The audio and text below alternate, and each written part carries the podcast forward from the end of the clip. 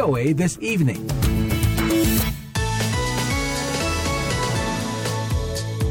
Selamat malam, VOA This Evening kembali hadir dari studio Voice of America di Washington DC bersama saya Dania Iman. Dan saya Rifan Dwi Astono. Kami sudah siapkan beragam informasi dan berita terkini dari Indonesia dan dunia, di antaranya...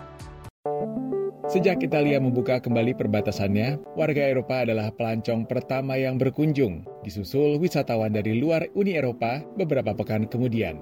Pada era digital, kita bisa belajar acting dari Samuel L. Jackson atau diberi ucapan selamat secara khusus dari pebasket legendaris Kareem Abdul-Jabbar. Sebelum kita bahas itu semua, kita dengarkan berita malam dari VOA.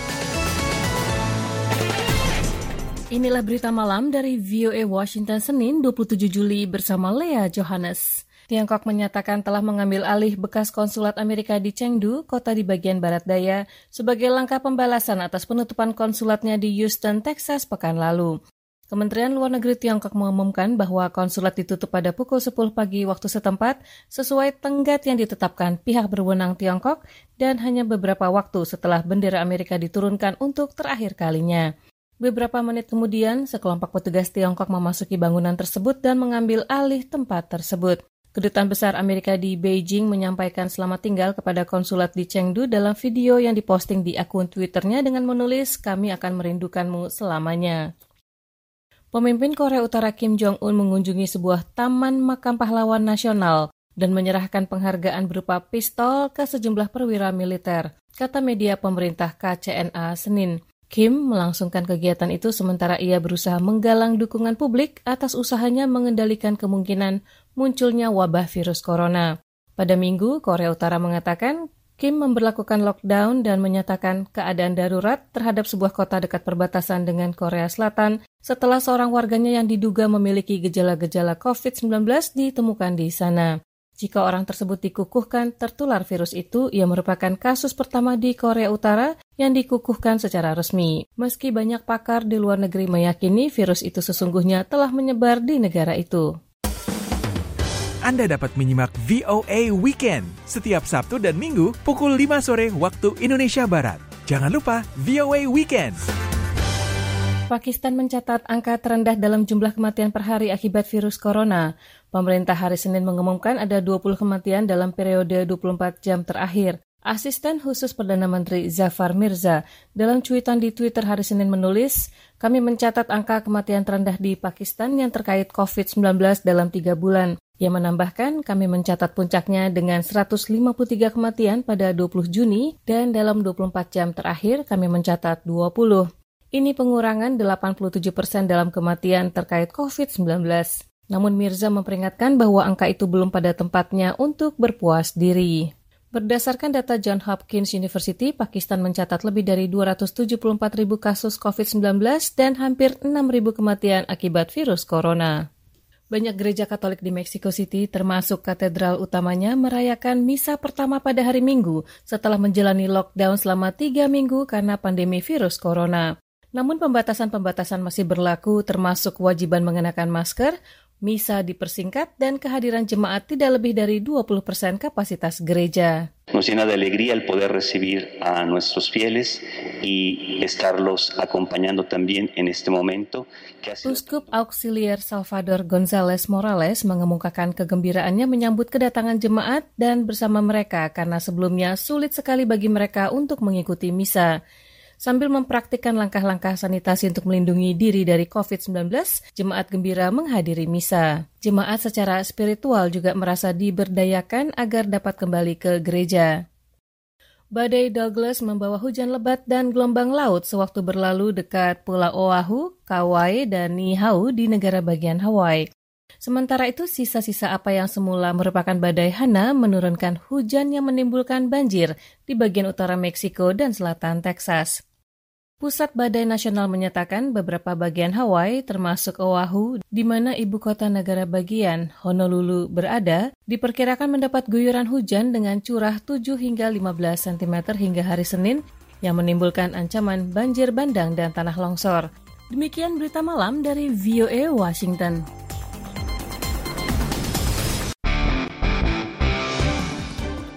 Kasus COVID-19 masih terus bertambah sampai detik ini. Berdasarkan data yang dilansir dari www.covid19.go.id, Senin 27 Juli dilaporkan Indonesia kini memiliki 100.303 kasus COVID-19 setelah ada penambahan 1.525 kasus baru. Selain itu dilaporkan ada 1.518 pasien yang sudah diperbolehkan pulang hari ini, sehingga total pasien yang telah pulih pun mencapai 58.173. Namun sayang, jumlah kematian masih terus meningkat.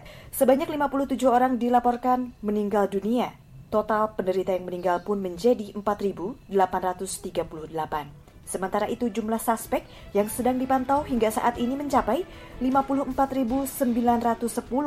Dari Jakarta, kita Intan melaporkan untuk VOA Washington.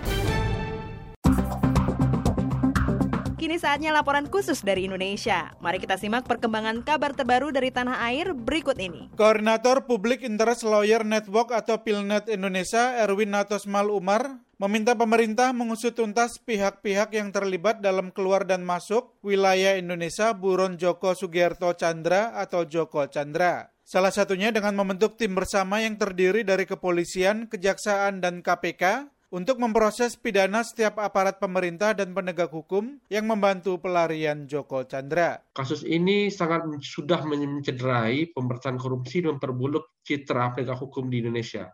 Seorang buro, buronan ya, bisa keluar dan masuk ke Indonesia dan difasilitasi oleh penegak hukum.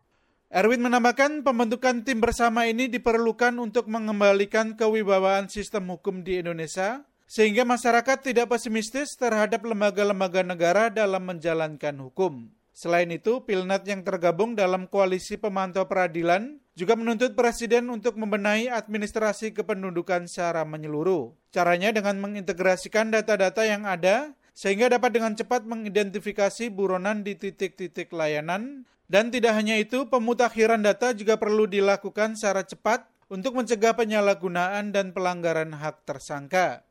Sementara itu, Direktur Eksekutif Lembaga Kajian dan Advokasi untuk Independensi Peradilan Liza Fariha menemukan berbagai dugaan pelanggaran yang dilakukan pejabat institusi penegak hukum dan lembaga. Antara lain mulai dari penghapusan nama Joko Chandra dari buronan Interpol, penerbitan paspor dan KTP elektronik, hingga pengajuan peninjauan kembali kasusnya ke Pengadilan Negeri Jakarta Selatan. Seperti di kepolisian, pejabat tersebut uh, dimutasi. Kemudian kalau di kejaksaan terakhir dari koalisi mendapatkan informasi uh, pemeriksa akan dilakukan pemeriksaan dan itu akan dilakukan oleh uh, Badan Pengawasan dari Kejaksaan Agung. Pejabat di Baris Krim Polri Prasetyo Utomo yang terkait surat jalan untuk buronan Joko Chandra telah dicopot dari jabatannya oleh Kapolri. Kepala Kejaksaan Negeri Jakarta Selatan juga telah diminta keterangan oleh Kejaksaan Tinggi DKI Jakarta terkait video pertemuannya dengan pengacara Joko Chandra Anita Kolopaking. Koalisi juga meminta Mahkamah Agung untuk menyelidiki pertemuan Ketua Mahkamah Agung dengan Anita Kolopaking, meskipun pertemuan itu disebut bukan untuk membahas perkara. Dari Jakarta, Sasmita Mandri melaporkan untuk VOA Washington.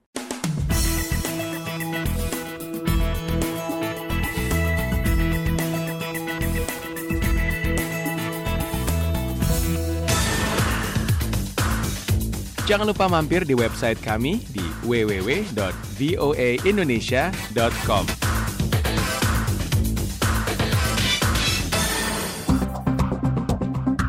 Kami masih punya satu update lagi nih dari Indonesia. Berikut laporannya. 790 unit alat bantu pernapasan portable, Venti, yang dikembangkan ITB, Unpad, dan Salman, telah dikirimkan ke seluruh Indonesia. Proyek ini berhasil menggalang dana publik sebesar 12 miliar rupiah. Ketua Tim Ventilator Indonesia atau Venti, Dr. Insinyur Syarif Hidayat, mengatakan per Jumat kemarin, Venti telah diterima oleh 270-an rumah sakit yang tersebar di 34 provinsi. Dia mengatakan Venti adalah produk kebanggaan Indonesia. Ini adalah karya bangsa. Sejak awal pun dimaksudkan untuk menyelesaikan masalah bangsa dan melibatkan seluruh komponen bangsa. Proyek Venti dimulai pada Maret 2020. Fenty telah lolos serangkaian pengujian oleh Balai Pengaman Fasilitas Kesehatan atau BPFK pada bulan April dan langsung lolos uji klinis di beberapa rumah sakit pada bulan Mei. Selama ini, Indonesia harus mengimpor ventilator canggih dari luar negeri yang harganya mencapai ratusan juta per unit. Padahal ventilator sangat dibutuhkan mengingat banyaknya pasien COVID-19 yang mengalami sesak nafas. Venti akan diproduksi sebanyak 1000 buah. Syarif mengatakan pihaknya masih memproduksi 200 unit terakhir karena terkendala pembelian komponen sensor. Produksi massal Venti melibatkan sejumlah politeknik, PT Dirgantara Indonesia, dan sejumlah SMK. Sejak diumumkan kepada publik, proyek Venti terus mendapatkan dukungan dari berbagai pihak. Tim Venti mencatat hingga Jumat kemarin terkumpul donasi 12,1 miliar rupiah dari 2000-an donatur. Sementara itu. Dr. Ike Sri Rejeki dari Universitas Pajajaran mengaku terkejut dengan besarnya dukungan publik terhadap Venti. Karena ini sebetulnya sesuatu yang di luar dugaan saya. Uh, satu-satunya modal saya adalah saya ingin melakukan sesuatu untuk uh, pasien aja yang diingat pasien dan keluarga-keluarga dan teman terdekat. Salah satu lembaga donatur adalah Bank Indonesia yang menyalurkan program sosial BI ke rumah amal Salman. Deputi Gubernur Senior BI, Destri Damayanti mengatakan pihaknya tergerak mendukung mengingat pentingnya ketersediaan ventilator bagi pasien COVID-19. Dari Bandung, Jawa Barat, Rio Tuasikala melaporkan untuk VOA Washington. Ingin tahu berita menarik, terkini, dan terpercaya? Ikuti kami di Instagram at VOA Indonesia.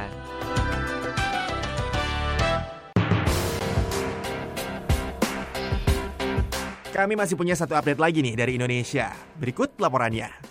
Juru bicara gugus tugas percepatan penanganan COVID-19 Kota Medan, Mardohar menyebut 12 orang di Universitas Sumatera Utara terkonfirmasi positif virus corona. Mereka terkonfirmasi positif COVID-19 melalui tes cepat dan uji swab. Nah hari ini sampai hari ini kita masih dapat infonya masih 12 orang yang di dalamnya ada dengan uh, Pak Rektor, Pak Wakil Rektor, uh, beberapa profesor dan dosen, dan kemudian ada staf. Mardohar menjelaskan 12 orang yang terkonfirmasi positif COVID-19 itu menjalani isolasi secara mandiri maupun di Rumah Sakit Universitas Sumatera Utara. Beberapa di antaranya bahkan ada yang telah selesai menjalani isolasi dan dinyatakan sembuh seperti rektor dan wakilnya. Satuan Tugas COVID-19 Kota Medan saat ini terus memantau perkembangan kasus virus corona yang ada di Universitas Sumatera Utara. Ada yang diisolasi di rumah dan ada di rumah sakit Nah, selebihnya di rumahnya. Tapi mereka tuh seperti saya katakan tadi ya, rektor sendiri itu dengan wakil rektor kayaknya sudah selesai mereka itu isolasinya. Alhamdulillah stabil dan semua pun yang di rumah sakit dalam keadaan stabil. Sementara itu, terkait dengan belasan kasus positif COVID-19, juru bicara Universitas Sumatera Utara, Elvi Sumanti mengatakan, pihaknya memperlakukan kebijakan untuk menutup kampus sementara selama satu pekan. Penutupan sementara Universitas Sumatera Utara berlaku pada 27 Juli hingga 2 Agustus 2020. Eh, terdapat beberapa pegawai dan dosen yang sudah dinyatakan positif eh, COVID-19. Untuk itu, pimpinan USU dengan mendengar masukan dari Majelis Wali Amanat USU mengambil kebijakan dengan memperlakukan kembali penutupan kampus atau lockdown. Sebelumnya, Universitas Sumatera Utara juga pernah memperlakukan penutupan sementara pada 24 Maret hingga 7 April 2020. Kemudian kebijakan itu diperpanjang hingga 31 Mei 2020. Penerapan belajar secara daring dan kerja dari rumah untuk para sivitas akademika Universitas Sumatera Utara kembali dilakukan. Anugerah Andriansyah dari Medan melaporkan untuk VOA Washington. Halo, saya Rifan Dwi Astono dari VOA Indonesia di Washington DC, Amerika Serikat. Untuk menjaga agar tidak tertular atau menularkan virus corona, saya dan istri sekarang rajin sekali cuci tangan. Terutama kalau habis dari luar rumah nih, mau itu habis dari supermarket atau sekadar buang sampah. Khusus pulang belanja, kami biasanya langsung bersihkan barang-barang yang dibeli. Untuk sayur mayur, langsung direndam terus dicuci. Sementara untuk barang lain yang dalam kemasan, itu langsung dilap menggunakan disinfektan. Selain itu, pakaian yang kami kenakan saat keluar rumah juga langsung masuk cucian. Terus ganti pakai baju yang bersih. Saya beruntung karena bisa kerja dari rumah di masa pandemi ini, sehingga cuma perlu keluar seminggu sekali untuk belanja kebutuhan pokok. Untuk yang nggak punya pilihan karena harus tetap kerja di luar rumah, jaga kesehatan, jaga kebersihan, dan jaga jarak dulu yuk. Kita bisa lawan corona. The Voice of America.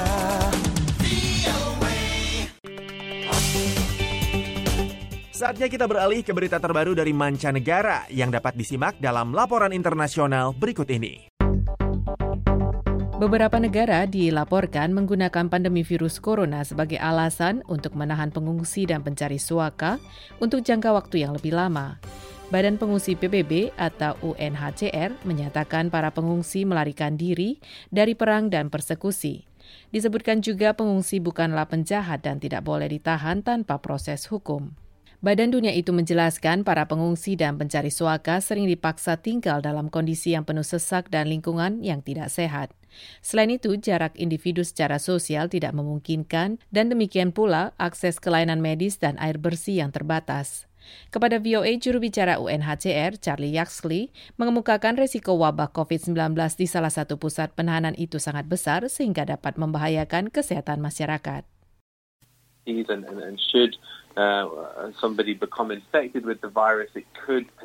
Jika seseorang terinfeksi virus, maka virus itu berpotensi menyebar dengan cepat di antara para tahanan lainnya, termasuk di antara mereka yang bekerja dan menjaga pusat penahanan itu sendiri. Dengan demikian, berisiko untuk menyebar lebih lanjut, bahkan di luar pusat penahanan tersebut. UNHCR berpendapat penahanan para pengungsi secara tidak sah itu tidak terbatas pada negara-negara yang mengalami konflik seperti Libya.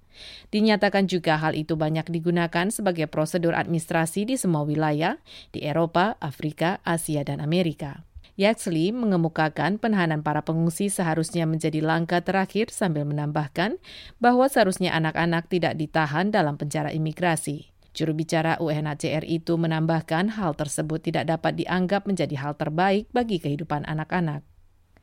UNHCR tegas Yaxley menyerukan pembebasan segera semua anak dari penahanan, termasuk para pengungsi dan pencari suaka yang ditahan secara tidak sah atau sewenang-wenang you know, we believe that releasing asylum seekers from detention is in the public. Kami percaya membebaskan para pencari suaka dari penahanan adalah demi kepentingan kesehatan publik, bukan hanya Amerika Serikat tetapi juga semua negara.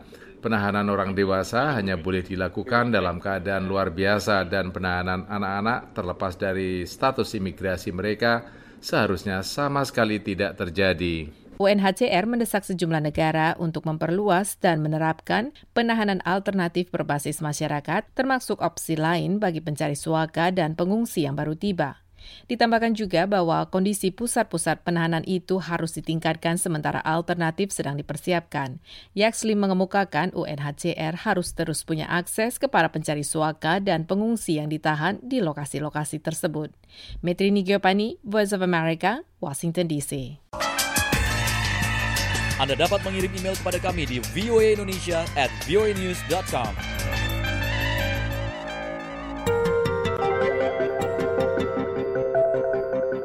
VOA di Simning bersama saya Dania Iman dan juga Rifan Dwi Astono yang kami siarkan langsung dari Washington DC. Nah, kini saatnya kita simak berita dari dunia sains dan kesehatan. Pemerhati lingkungan khawatir pandemi corona berdampak buruk pada lingkungan karena meningkatnya pemakaian alat pelindung diri atau APD sekali pakai. Sekelompok perusahaan di Inggris menawarkan solusi mengurangi dampak itu dengan membuat APD yang ramah lingkungan dan masker yang bisa dipakai ulang. Tim VOA melaporkan selengkapnya. Sarung tangan plastik sekali pakai yang dibuang di pinggir jalan atau menumpuk di tempat sampah adalah sinyal bahwa pandemi COVID-19 belum berlalu. Sementara banyak negara berusaha melindungi warganya, permintaan akan APD meningkat drastis. I think all of us are very aware of this massive ramp up in plastic production that really is in the name of COVID-19.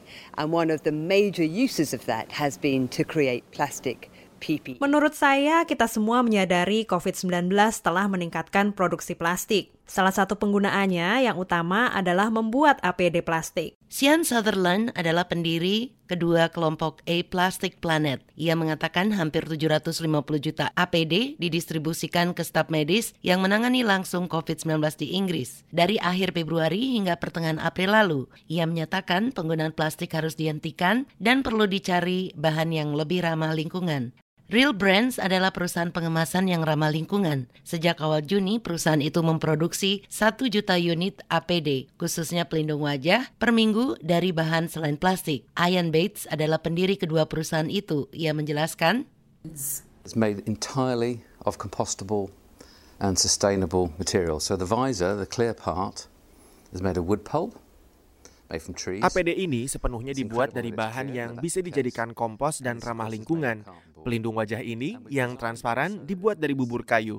Luar biasa, dan bagian lingkar kepala ini tentu saja terbuat dari karton.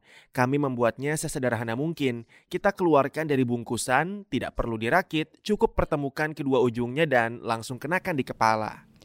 Perusahaan itu juga berencana memproduksi baju pelindung dan sarung tangan. Seperti Real Brands, perusahaan-perusahaan lain juga menawarkan opsi APD yang ramah lingkungan. Berbasis di Inggris, Ocean View memproduksi masker VV195 yang bisa digunakan ulang. Perusahaan itu mengklaim masker yang terdiri atas tiga lapis itu bisa dicuci hingga 30 kali. Untuk Erna Wiase, saya Madioni, VOA. Kini saatnya kita cari tahu apa saja yang terjadi di Amerika dalam Amerika Kini.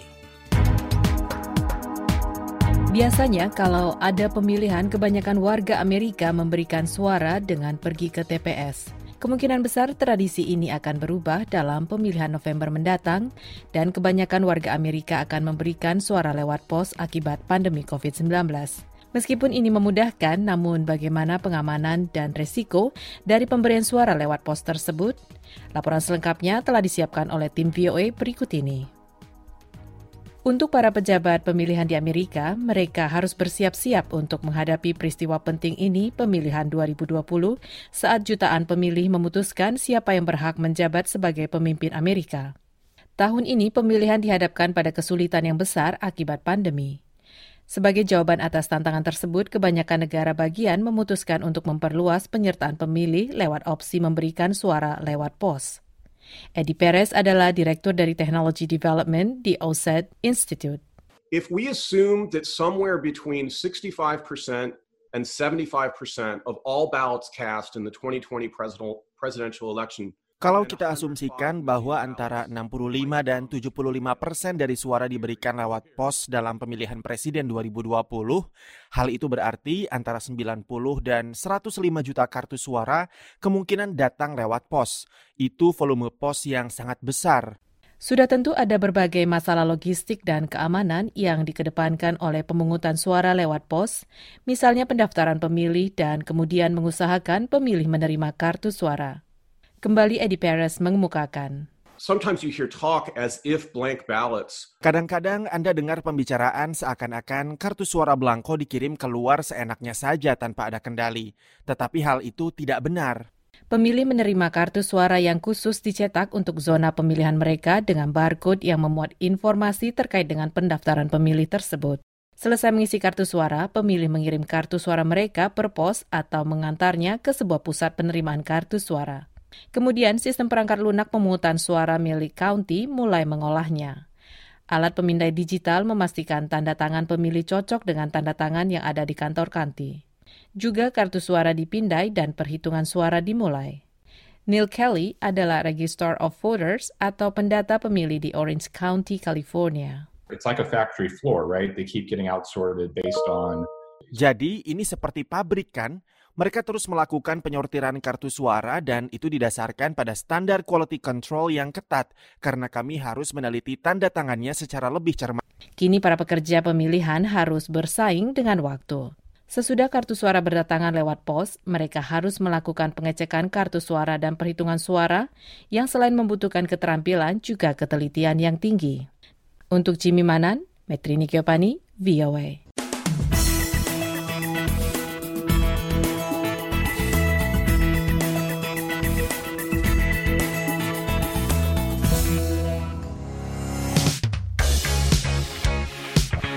Pada era digital, kita bisa belajar acting dari Samuel L. Jackson atau diberi ucapan selamat secara khusus dari pebasket legendaris Kareem Abdul-Jabbar. Perusahaan daring seperti Cameo atau Masterclass memudahkan akses ke selebriti dengan memberi tokoh-tokoh terkenal pekerjaan kecil. Happy birthday to you. Deborah Cox adalah seorang musisi peraih platinum, nominasi Grammy sekaligus bintang Broadway. Happy birthday, dear Theo. Baru-baru ini dia menyanyikan lagu Selamat Ulang Tahun untuk salah seorang penggemar terberatnya, Theo Cardona. She was singing happy birthday to me So it was great. It was pretty cool. Dia menyanyikan selamat ulang tahun kepada saya. Luar biasa. Akhir-akhir ini untuk mendapat akses ke seorang bintang ternama, tidak perlu lagi minta tolong ke banyak orang atau mengenal orang yang tepat. Situs internet seperti Cameo memberi akses ke orang-orang biasa. We're like the person lifting up the red velvet rope and letting people in. Steven Galanis adalah salah seorang pendiri Cameo, sebuah platform daring di mana pengguna bisa meminta beragam selebriti, musisi, dan atlet untuk membuat video ucapan yang dipersonalisasi. You put the message in that you'd want them to say to whoever you want them to say it to. Anda tulis pesan yang ingin mereka sampaikan kepada siapa pun yang Anda mau. Tokoh yang dipilih punya waktu tujuh hari untuk membuat video. Gagasan kami di sini adalah bahwa suah video merupakan tanda tangan yang baru. Bayangkan ini sebagai tanda tangan 2020. Perusahaan itu baru-baru ini merayakan cameo yang ke 1 juta. Untuk menjadi seorang cameo, selebriti harus rela dibayar lebih murah dibandingkan acara off-air. Komedian Gilbert Gottfried telah melakukan lebih dari 1.200 video yang masing-masing seharga 150 dolar. With the pandemic, well, obviously all nightclubs have closed down. Karena pandemi, semua klub malam tutup. Film, TV juga pada dasarnya tutup, jadi ini merupakan pengganti yang cukup lumayan. Tak hanya bisa menambah penghasilan, Cameo juga memungkinkan Godfried untuk menjalin hubungan dengan para penggemar. Masterclass adalah sebuah platform lain yang memberi akses kepada orang biasa untuk mendapat pelajaran dari selebriti. Pengguna membayar uang langganan 180 dolar setahun untuk bisa menonton kelas video dalam berbagai bidang yang diajarkan oleh beberapa tokoh terkenal. Apakah itu kelas akting dari Samuel L. Jackson atau kelas drum dari Sheila E. Bertemu selebriti tak hanya bagi orang-orang yang beruntung saja. Anda dapat menyimak VOA Weekend setiap Sabtu dan Minggu pukul 5 sore waktu Indonesia Barat. Jangan lupa VOA Weekend.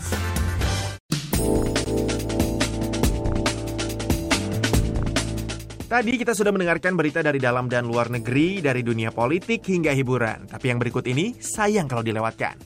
Wisatawan kembali ke Italia, yang beberapa waktu lalu menjadi epicentrum wabah virus corona di Eropa dengan mengalami hampir 35 ribu kematian. Sejak Italia membuka kembali perbatasannya pada tanggal 3 Juni, warga Eropa adalah pelancong pertama yang berkunjung, disusul wisatawan dari luar Uni Eropa beberapa pekan kemudian. Namun wisatawan Amerika Serikat, kelompok pengunjung terbesar kedua setelah Jerman, masih dilarang masuk kecuali untuk urusan mendesak. Sejumlah kecil pengunjung asal Amerika Serikat yang terlihat di Italia punya cerita tersendiri. Colleen Hewson, pensiunan asal Detroit, dan suaminya datang pada bulan Maret untuk melihat reruntuhan Pompeii yang ternyata ditutup karena pandemi. Mereka terjebak dan tetap tinggal di sana saat Italia ditutup. Mereka termasuk pengunjung pertama yang bisa kembali ke Pompei sewaktu situs arkeologi itu dibuka kembali akhir Mei. Kami di sini dalam liburan untuk merayakan 30 tahun pernikahan, menyewa tempat tinggal milik penduduk lokal. Dan dia sangat baik menampung kami sampai penutupan berakhir dan reruntuhan dibuka kembali.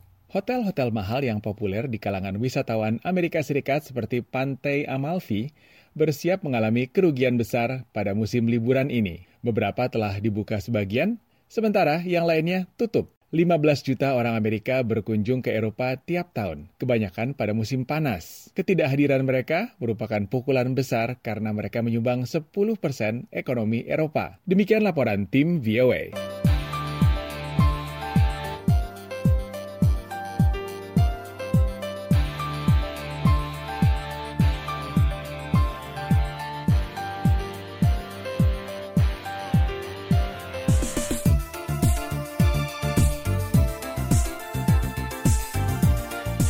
Demikian VOA This Evening bersama Rifan Dwi Astono dan Dania Iman. Siaran kali ini diproduksi oleh produser Lea Johannes bersama Utami Husin dan Arif Budiman. Jangan lupa ikuti terus siaran kami setiap Senin sampai Jumat melalui website kami di www.voaindonesia.com dan juga melalui radio afiliasi kami di Indonesia.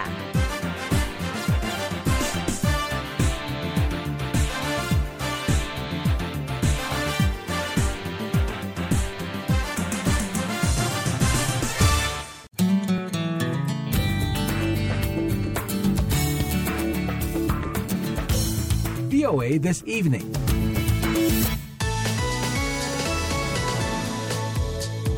Selamat malam, VOA This Evening kembali hadir dari studio Voice of America di Washington DC bersama saya Dania Iman. Dan saya Rifan Dwi Astono. Kami sudah siapkan beragam informasi dan berita terkini dari Indonesia dan dunia, di antaranya... Sejak Italia membuka kembali perbatasannya, warga Eropa adalah pelancong pertama yang berkunjung, disusul wisatawan dari luar Uni Eropa beberapa pekan kemudian. Pada era digital, kita bisa belajar acting dari Samuel L. Jackson atau diberi ucapan selamat secara khusus dari pebasket legendaris Kareem Abdul-Jabbar. Sebelum kita bahas itu semua, kita dengarkan berita malam dari VOA. Inilah berita malam dari VOA Washington Senin 27 Juli bersama Lea Johannes. Tiongkok menyatakan telah mengambil alih bekas konsulat Amerika di Chengdu, kota di bagian barat daya, sebagai langkah pembalasan atas penutupan konsulatnya di Houston, Texas pekan lalu. Kementerian Luar Negeri Tiongkok mengumumkan bahwa konsulat ditutup pada pukul 10 pagi waktu setempat sesuai tenggat yang ditetapkan pihak berwenang Tiongkok dan hanya beberapa waktu setelah bendera Amerika diturunkan untuk terakhir kalinya. Beberapa menit kemudian, sekelompok petugas Tiongkok memasuki bangunan tersebut dan mengambil alih tempat tersebut. Kedutaan Besar Amerika di Beijing menyampaikan selamat tinggal kepada konsulat di Chengdu dalam video yang diposting di akun Twitternya dengan menulis, kami akan merindukanmu selamanya. Pemimpin Korea Utara Kim Jong-un mengunjungi sebuah taman makam pahlawan nasional dan menyerahkan penghargaan berupa pistol ke sejumlah perwira militer, kata media pemerintah KCNA Senin. Kim melangsungkan kegiatan itu sementara ia berusaha menggalang dukungan publik atas usahanya mengendalikan kemungkinan munculnya wabah virus corona. Pada minggu, Korea Utara mengatakan Kim memperlakukan lockdown dan menyatakan keadaan darurat terhadap sebuah kota dekat perbatasan dengan Korea Selatan setelah seorang warganya yang diduga memiliki gejala-gejala COVID-19 ditemukan di sana. Jika orang tersebut dikukuhkan tertular virus itu, ia merupakan kasus pertama di Korea Utara yang dikukuhkan secara resmi. Meski banyak pakar di luar negeri meyakini virus itu sesungguhnya telah menyebar di negara itu. Anda dapat menyimak VOA Weekend setiap Sabtu dan Minggu pukul 5 sore waktu Indonesia Barat. Jangan lupa VOA Weekend. Pakistan mencatat angka terendah dalam jumlah kematian per hari akibat virus corona. Pemerintah hari Senin mengumumkan ada 20 kematian dalam periode 24 jam terakhir. Asisten khusus Perdana Menteri Zafar Mirza dalam cuitan di Twitter hari Senin menulis, kami mencatat angka kematian terendah di Pakistan yang terkait COVID-19 dalam tiga bulan. Ia menambahkan, kami mencatat puncaknya dengan 153 kematian pada 20 Juni dan dalam 24 jam terakhir kami mencatat 20. Ini pengurangan 87 persen dalam kematian terkait COVID-19. Namun Mirza memperingatkan bahwa angka itu belum pada tempatnya untuk berpuas diri. Berdasarkan data John Hopkins University, Pakistan mencatat lebih dari 274 ribu kasus COVID-19 dan hampir 6 ribu kematian akibat virus corona. Banyak gereja Katolik di Mexico City, termasuk katedral utamanya, merayakan misa pertama pada hari Minggu setelah menjalani lockdown selama tiga minggu karena pandemi virus corona. Namun pembatasan-pembatasan masih berlaku termasuk kewajiban mengenakan masker, misa dipersingkat, dan kehadiran jemaat tidak lebih dari 20% kapasitas gereja. Nos llena de alegría el poder recibir a nuestros fieles y estarlos acompañando también en este momento. Uskup Auxiliar Salvador González Morales mengemukakan kegembiraannya menyambut kedatangan jemaat dan bersama mereka karena sebelumnya sulit sekali bagi mereka untuk mengikuti misa. Sambil mempraktikkan langkah-langkah sanitasi untuk melindungi diri dari COVID-19, jemaat gembira menghadiri misa. Jemaat secara spiritual juga merasa diberdayakan agar dapat kembali ke gereja. Badai Douglas membawa hujan lebat dan gelombang laut sewaktu berlalu dekat Pulau Oahu, Kauai, dan Niihau di negara bagian Hawaii. Sementara itu, sisa-sisa apa yang semula merupakan badai Hana menurunkan hujan yang menimbulkan banjir di bagian utara Meksiko dan selatan Texas.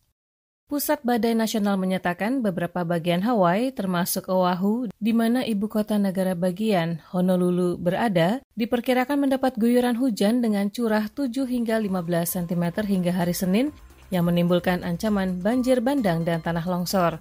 Demikian berita malam dari VOA Washington.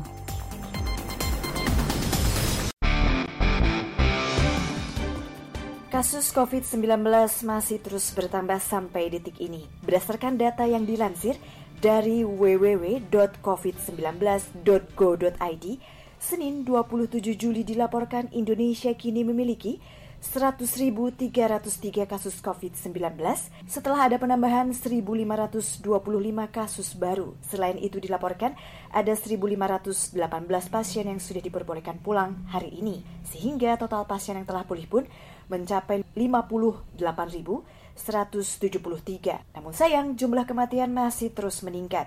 Sebanyak 57 orang dilaporkan meninggal dunia. Total penderita yang meninggal pun menjadi 4.838. Sementara itu jumlah suspek yang sedang dipantau hingga saat ini mencapai 54.910.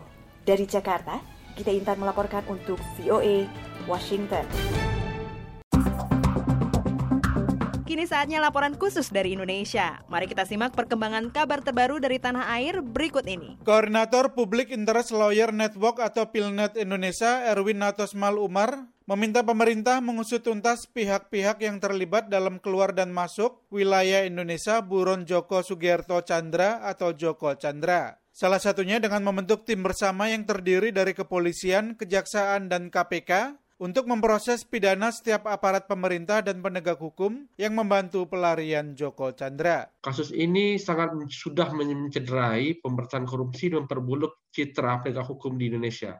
Seorang buro, buronan ya, bisa keluar dan masuk ke Indonesia dan difasilitasi oleh penegak hukum. Erwin menambahkan pembentukan tim bersama ini diperlukan untuk mengembalikan kewibawaan sistem hukum di Indonesia sehingga masyarakat tidak pesimistis terhadap lembaga-lembaga negara dalam menjalankan hukum. Selain itu, Pilnat yang tergabung dalam koalisi pemantau peradilan juga menuntut Presiden untuk membenahi administrasi kependudukan secara menyeluruh. Caranya dengan mengintegrasikan data-data yang ada sehingga dapat dengan cepat mengidentifikasi buronan di titik-titik layanan dan tidak hanya itu, pemutakhiran data juga perlu dilakukan secara cepat untuk mencegah penyalahgunaan dan pelanggaran hak tersangka. Sementara itu, Direktur Eksekutif Lembaga Kajian dan Advokasi untuk Independensi Peradilan Liza Fariha menemukan berbagai dugaan pelanggaran yang dilakukan pejabat institusi penegak hukum dan lembaga. Antara lain mulai dari penghapusan nama Joko Chandra dari buronan Interpol, penerbitan paspor dan KTP elektronik, hingga pengajuan peninjauan kembali kasusnya ke Pengadilan Negeri Jakarta Selatan. Seperti di kepolisian, pejabat tersebut uh, dimutasi. Kemudian kalau di kejaksaan terakhir dari koalisi mendapatkan informasi uh, pemeriksa akan dilakukan pemeriksaan dan itu akan dilakukan oleh uh, Badan Pengawasan dari Kejaksaan Agung. Pejabat di Baris Krim Polri Prasetyo Utomo yang terkait surat jalan untuk buronan Joko Chandra telah dicopot dari jabatannya oleh Kapolri. Kepala Kejaksaan Negeri Jakarta Selatan juga telah diminta keterangan oleh Kejaksaan Tinggi DKI Jakarta terkait video pertemuannya dengan pengacara Joko Chandra Anita Kolopaking. Koalisi juga meminta Mahkamah Agung untuk menyelidiki pertemuan Ketua Mahkamah Agung dengan Anita Kolopaking, meskipun pertemuan itu disebut bukan untuk membahas perkara. Dari Jakarta, Sasmita Madri melaporkan untuk VOA Washington.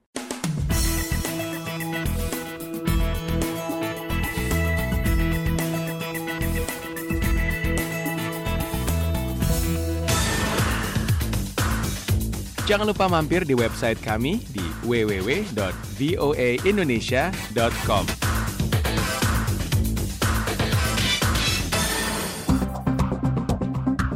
Kami masih punya satu update lagi nih dari Indonesia. Berikut laporannya. 790 unit alat bantu pernapasan portable, Venti, yang dikembangkan ITB, Unpad, dan Salman, telah dikirimkan ke seluruh Indonesia. Proyek ini berhasil menggalang dana publik sebesar 12 miliar rupiah. Ketua Tim Ventilator Indonesia atau Venti, Dr. Insinyur Syarif Hidayat, mengatakan per Jumat kemarin, Fenty telah diterima oleh 270-an rumah sakit yang tersebar di 34 provinsi. Dia mengatakan Fenty adalah produk kebanggaan Indonesia. Ini adalah karya bangsa. Sejak awal pun dimaksudkan untuk menyelesaikan masalah bangsa dan melibatkan seluruh komponen bangsa. Proyek Fenty dimulai pada Maret 2020. Fenty telah lolos serangkaian pengujian oleh Balai Pengaman Fasilitas Kesehatan atau BPFK pada bulan April dan langsung lolos uji klinis di beberapa rumah sakit pada bulan Mei. Selama ini, Indonesia harus mengimpor ventilator canggih dari luar negeri yang harganya mencapai ratusan juta per unit. Padahal ventilator sangat dibutuhkan mengingat banyaknya pasien COVID-19 yang mengalami sesak nafas. Venti akan diproduksi sebanyak 1000 buah. Syarif mengatakan pihaknya masih memproduksi 200 unit terakhir karena terkendala pembelian komponen sensor.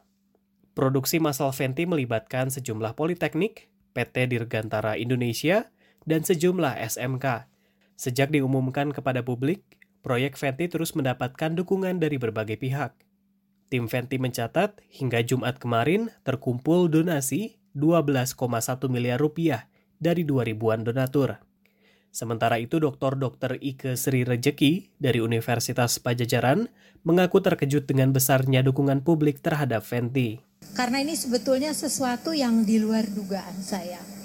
Uh, satu-satunya modal saya adalah saya ingin melakukan sesuatu untuk uh, pasien aja yang diingat pasien dan keluarga-keluarga dan teman terdekat. Salah satu lembaga donatur adalah Bank Indonesia yang menyalurkan program sosial BI ke rumah amal Salman. Deputi Gubernur Senior BI, Destri Damayanti mengatakan pihaknya tergerak mendukung mengingat pentingnya ketersediaan ventilator bagi pasien COVID-19.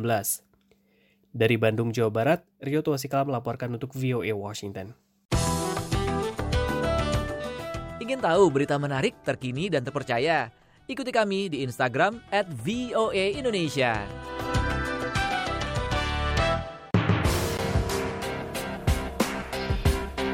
Kami masih punya satu update lagi nih dari Indonesia. Berikut laporannya.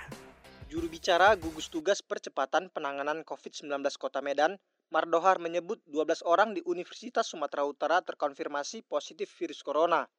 Mereka terkonfirmasi positif COVID-19 melalui tes cepat dan uji swab. Nah hari ini, sampai hari ini kita masih dapat infonya masih 12 orang. Yang di dalamnya ada dengan uh, Pak Rektor, Pak Wakil Rektor, uh, beberapa profesor dan dosen, dan kemudian ada staf. Mardohar menjelaskan, 12 orang yang terkonfirmasi positif COVID-19 itu menjalani isolasi secara mandiri maupun di Rumah Sakit Universitas Sumatera Utara. Beberapa di antaranya bahkan ada yang telah selesai menjalani isolasi dan dinyatakan sembuh seperti rektor dan wakilnya. Satuan Tugas COVID-19 Kota Medan saat ini terus memantau perkembangan kasus virus corona yang ada di Universitas Sumatera Utara ada yang diisolasi di rumah dan ada di rumah sakit Nah, selebihnya di rumahnya. Tapi mereka tuh seperti saya katakan tadi ya, dokter sendiri itu dengan wakil direktur kayaknya sudah selesai mereka itu isolasinya. Alhamdulillah stabil dan semua pun yang di rumah sakit dalam keadaan stabil.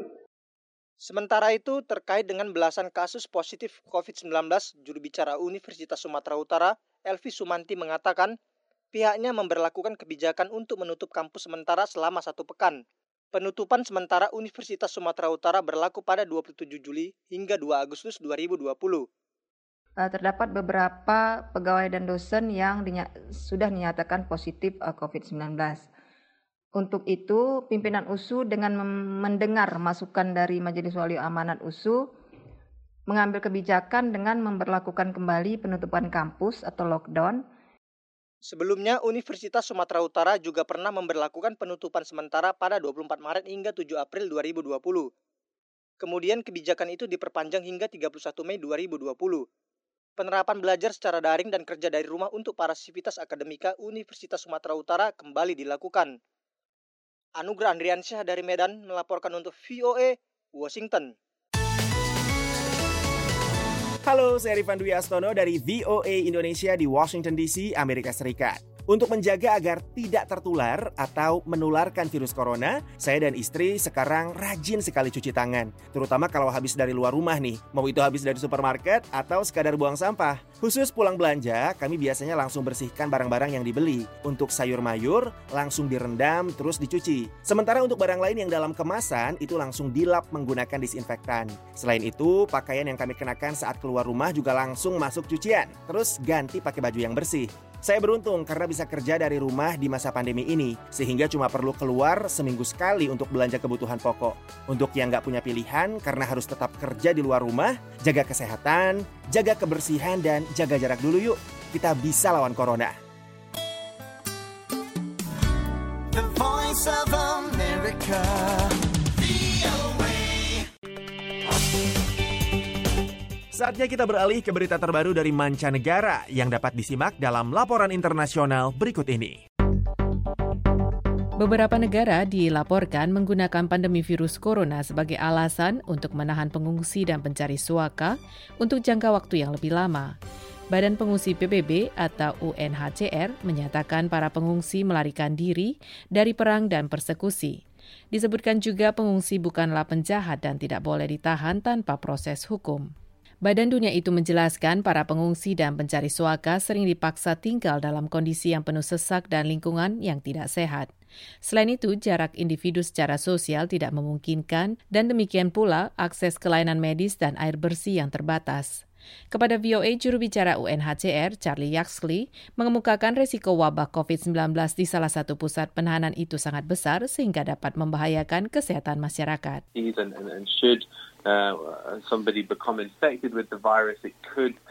Jika seseorang terinfeksi virus, maka virus itu berpotensi menyebar dengan cepat di antara para tahanan lainnya, termasuk di antara mereka yang bekerja dan menjaga pusat penahanan itu sendiri. Dengan demikian, berisiko untuk menyebar lebih lanjut, bahkan di luar pusat penahanan tersebut. UNHCR berpendapat penahanan para pengungsi secara tidak sah itu tidak terbatas pada negara-negara yang mengalami konflik seperti Libya. Dinyatakan juga hal itu banyak digunakan sebagai prosedur administrasi di semua wilayah di Eropa, Afrika, Asia, dan Amerika. Yaxley mengemukakan penahanan para pengungsi seharusnya menjadi langkah terakhir sambil menambahkan bahwa seharusnya anak-anak tidak ditahan dalam penjara imigrasi. Juru bicara UNHCR itu menambahkan hal tersebut tidak dapat dianggap menjadi hal terbaik bagi kehidupan anak-anak. UNHCR tegas Yaxley menyerukan pembebasan segera semua anak dari penahanan, termasuk para pengungsi dan pencari suaka yang ditahan secara tidak sah atau sewenang-wenang. You know, we believe that releasing asylum seekers from detention is in the public. Kami percaya membebaskan para pencari suaka dari penahanan adalah demi kepentingan kesehatan publik bukan hanya Amerika Serikat tetapi juga semua negara. Penahanan orang dewasa hanya boleh dilakukan dalam keadaan luar biasa dan penahanan anak-anak terlepas dari status imigrasi mereka seharusnya sama sekali tidak terjadi. UNHCR mendesak sejumlah negara untuk memperluas dan menerapkan penahanan alternatif berbasis masyarakat, termasuk opsi lain bagi pencari suaka dan pengungsi yang baru tiba. Ditambahkan juga bahwa kondisi pusat-pusat penahanan itu harus ditingkatkan sementara alternatif sedang dipersiapkan. Metri Nigiopani, Voice of America, Washington DC. Anda dapat mengirim email kepada kami di voaindonesia at voanews.com.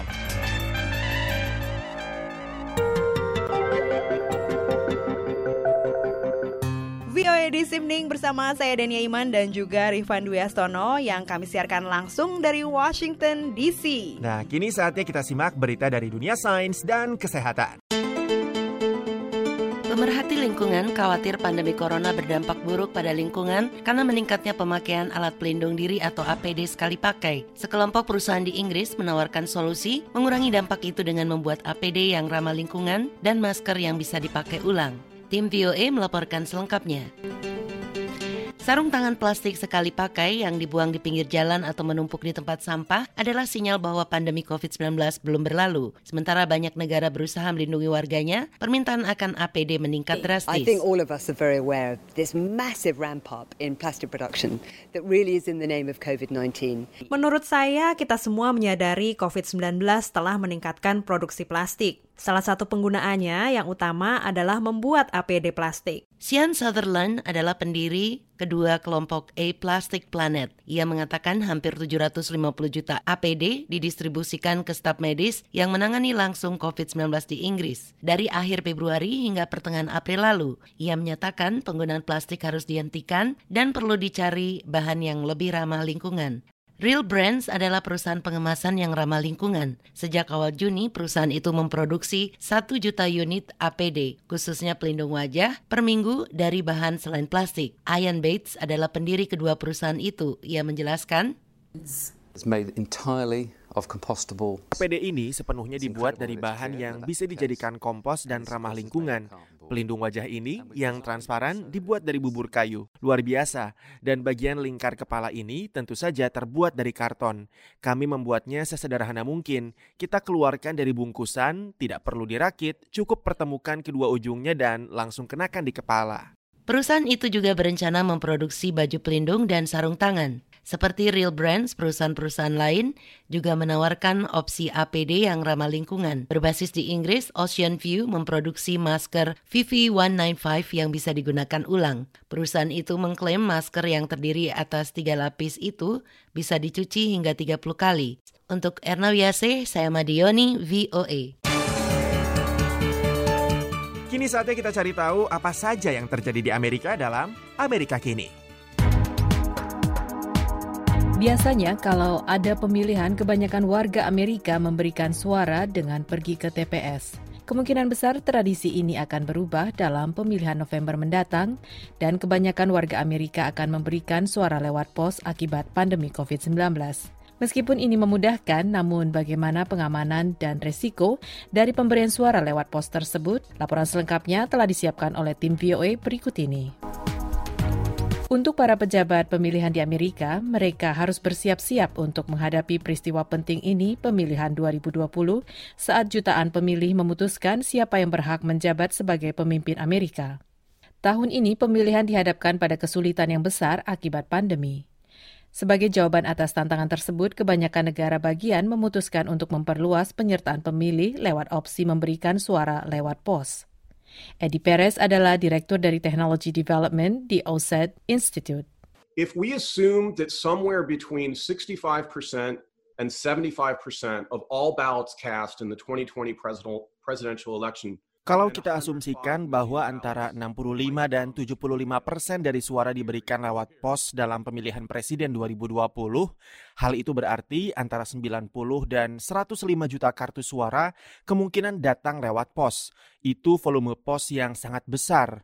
Sudah tentu ada berbagai masalah logistik dan keamanan yang dikedepankan oleh pemungutan suara lewat pos, misalnya pendaftaran pemilih dan kemudian mengusahakan pemilih menerima kartu suara. Kembali Eddie Perez mengemukakan. Sometimes you hear talk as if blank ballots. Kadang-kadang Anda dengar pembicaraan seakan-akan kartu suara blanko dikirim keluar seenaknya saja tanpa ada kendali. Tetapi hal itu tidak benar. Pemilih menerima kartu suara yang khusus dicetak untuk zona pemilihan mereka dengan barcode yang memuat informasi terkait dengan pendaftaran pemilih tersebut.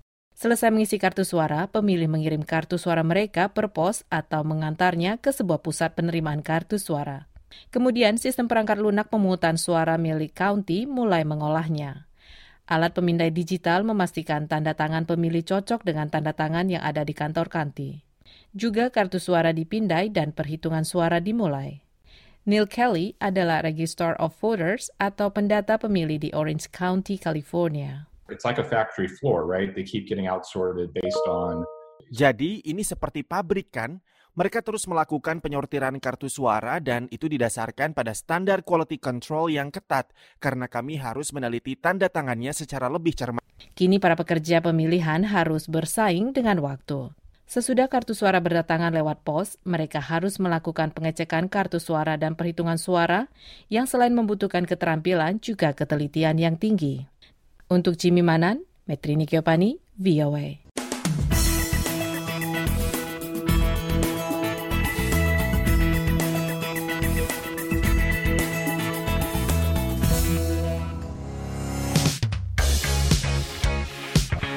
Pada era digital, kita bisa belajar acting dari Samuel L. Jackson atau diberi ucapan selamat secara khusus dari pebasket legendaris Kareem Abdul-Jabbar.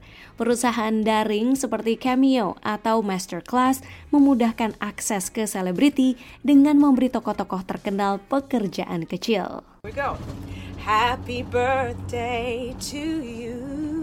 Deborah Cox adalah seorang musisi peraih platinum nominasi Grammy sekaligus bintang Broadway. Happy birthday, dear Theo. Baru-baru ini dia menyanyikan lagu Selamat Ulang Tahun untuk salah seorang penggemar terberatnya, Theo Cardona. She was singing happy birthday to me. So it was great. It was pretty cool. Dia menyanyikan selamat ulang tahun kepada saya. Luar biasa. Akhir-akhir ini untuk mendapat akses ke seorang bintang ternama, tidak perlu lagi minta tolong ke banyak orang atau mengenal orang yang tepat. Situs internet seperti Cameo memberi akses ke orang-orang biasa. We're like the person lifting up the red velvet rope and letting people in. Steven Galanis adalah salah seorang pendiri Cameo, sebuah platform daring di mana pengguna bisa meminta beragam selebriti, musisi, dan atlet untuk membuat video ucapan yang dipersonalisasi. You put the message in that you want them to say to whoever you want them to say it to. Anda tulis pesan yang ingin mereka sampaikan kepada siapa pun yang Anda mau. Tokoh yang dipilih punya waktu tujuh hari untuk membuat video. Gagasan kami di sini adalah bahwa video merupakan tanda tangan yang baru. Bayangkan ini sebagai tanda tangan 2020. Perusahaan itu baru-baru ini merayakan cameo yang ke 1 juta. Untuk menjadi seorang cameo, selebriti harus rela dibayar lebih murah dibandingkan acara off-air. Komedian Gilbert Gottfried telah melakukan lebih dari 1.200 video yang masing-masing seharga 150 dolar. With the pandemic, uh, well, obviously all nightclubs have closed down. Karena pandemi, semua klub malam tutup. Film, TV juga pada dasarnya tutup, jadi ini merupakan pengganti yang cukup lumayan. Tak hanya bisa menambah penghasilan, Cameo juga memungkinkan Godfried untuk menjalin hubungan dengan para penggemar. Masterclass adalah sebuah platform lain yang memberi akses kepada orang biasa untuk mendapat pelajaran dari selebriti. Pengguna membayar uang langganan 180 dolar setahun untuk bisa menonton kelas video dalam berbagai bidang yang diajarkan oleh beberapa tokoh terkenal. Apakah itu kelas akting dari Samuel L. Jackson atau kelas drum dari Sheila E. Bertemu selebriti tak hanya bagi orang-orang yang beruntung saja. Anda dapat menyimak VOA Weekend setiap Sabtu dan Minggu pukul 5 sore waktu Indonesia Barat. Jangan lupa VOA Weekend.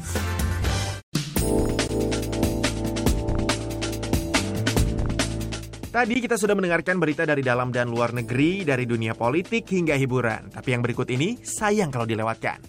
Wisatawan kembali ke Italia, yang beberapa waktu lalu menjadi epicentrum wabah virus corona di Eropa dengan mengalami hampir 35 ribu kematian. Sejak Italia membuka kembali perbatasannya pada tanggal 3 Juni, warga Eropa adalah pelancong pertama yang berkunjung, disusul wisatawan dari luar Uni Eropa beberapa pekan kemudian. Namun wisatawan Amerika Serikat, kelompok pengunjung terbesar kedua setelah Jerman, masih dilarang masuk kecuali untuk urusan mendesak. Sejumlah kecil pengunjung asal Amerika Serikat yang terlihat di Italia punya cerita tersendiri. Colleen Hewson, pensiunan asal Detroit, dan suaminya datang pada bulan Maret untuk melihat reruntuhan Pompeii yang ternyata ditutup karena pandemi. Mereka terjebak dan tetap tinggal di sana saat Italia ditutup. Mereka termasuk pengunjung pertama yang bisa kembali ke Pompei sewaktu situs arkeologi itu dibuka kembali akhir Mei. Kami di sini dalam liburan untuk merayakan 30 tahun pernikahan, menyewa tempat tinggal milik penduduk lokal. Dan dia sangat baik menampung kami sampai penutupan berakhir dan reruntuhan dibuka kembali. Hotel-hotel mahal yang populer di kalangan wisatawan Amerika Serikat seperti Pantai Amalfi bersiap mengalami kerugian besar pada musim liburan ini. Beberapa telah dibuka sebagian, sementara yang lainnya tutup. 15 juta orang Amerika berkunjung ke Eropa tiap tahun, kebanyakan pada musim panas. Ketidakhadiran mereka merupakan pukulan besar karena mereka menyumbang 10% ekonomi Eropa. Demikian laporan tim VOA.